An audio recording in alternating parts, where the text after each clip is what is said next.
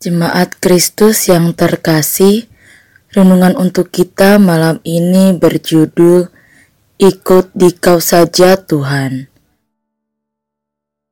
Dan bacaan kita diambil dari kitab Lukas 9 ayatnya yang kelima tujuh sampai dengan ayatnya yang ke-62. Beginilah firman Tuhan. Ketika Yesus dan murid-muridnya melanjutkan perjalanan mereka, berkatalah seorang di tengah jalan kepada Yesus, Aku akan mengikut engkau ke mana saja engkau pergi.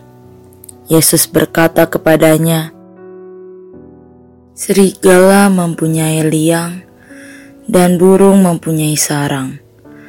Tetapi anak manusia tidak mempunyai tempat untuk meletakkan kepalanya. Lalu ia berkata kepada seorang lain, "Ikutlah aku." Tetapi orang itu berkata, "Izinkanlah aku pergi dahulu menguburkan bapakku." Tetapi Yesus berkata kepadanya, "Biarlah orang mati menguburkan orang mati, tetapi engkau pergilah dan beritakanlah kerajaan Allah di mana-mana." Dan seorang lain lagi berkata, Aku akan mengikut engkau Tuhan, tetapi izinkanlah aku pamitan dahulu dengan keluargaku. Tetapi Yesus berkata, setiap orang siap untuk membajak tetapi menoleh ke belakang, tidak layak untuk kerajaan Allah. Bacaan kita saat ini adalah lanjutan dari perikop kita kemarin dan kita kembali lagi menemukan hal yang tidak enak untuk dilakukan. Tuhan ingin mengatakan bahwa mengikut Dia ada konsekuensi-konsekuensi yang harus dijalani. Dan kembali lagi ini bukan untuk mempersulit hidup kita. Namun semata-mata ingin kita memiliki hidup yang berpadanan pada Kristus. Dibutuhkan kesadaran dan kesediaan diri kita untuk mau mengubah hidup kita.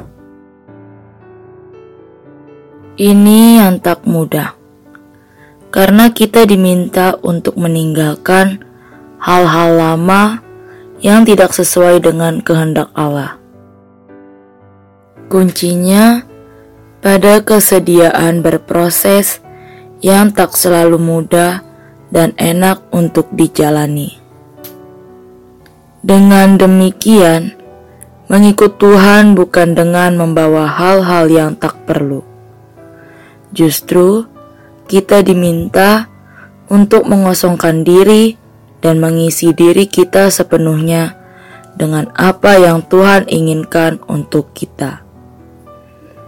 Berubah sesuai dengan apa yang Tuhan mau jadi, mengikut Tuhan tak hanya berbicara tentang berkat dan kekayaan, tak hanya berbicara tentang keselamatan dan penebusan dosa, tetapi juga berbicara tentang tanggung jawab dalam menjalani hidup. Siapkah kita mengikut Tuhan dengan setia? Demikianlah renungan malam ini. Semoga damai sejahtera dari Tuhan Yesus Kristus tetap memenuhi hati dan pikiran kita. Amin. Jemaat yang terkasih, mari kita bersatu hati menaikkan pokok-pokok doa yang ada dalam gerakan doa 21 GKI Sarwa Indah. Mari berdoa.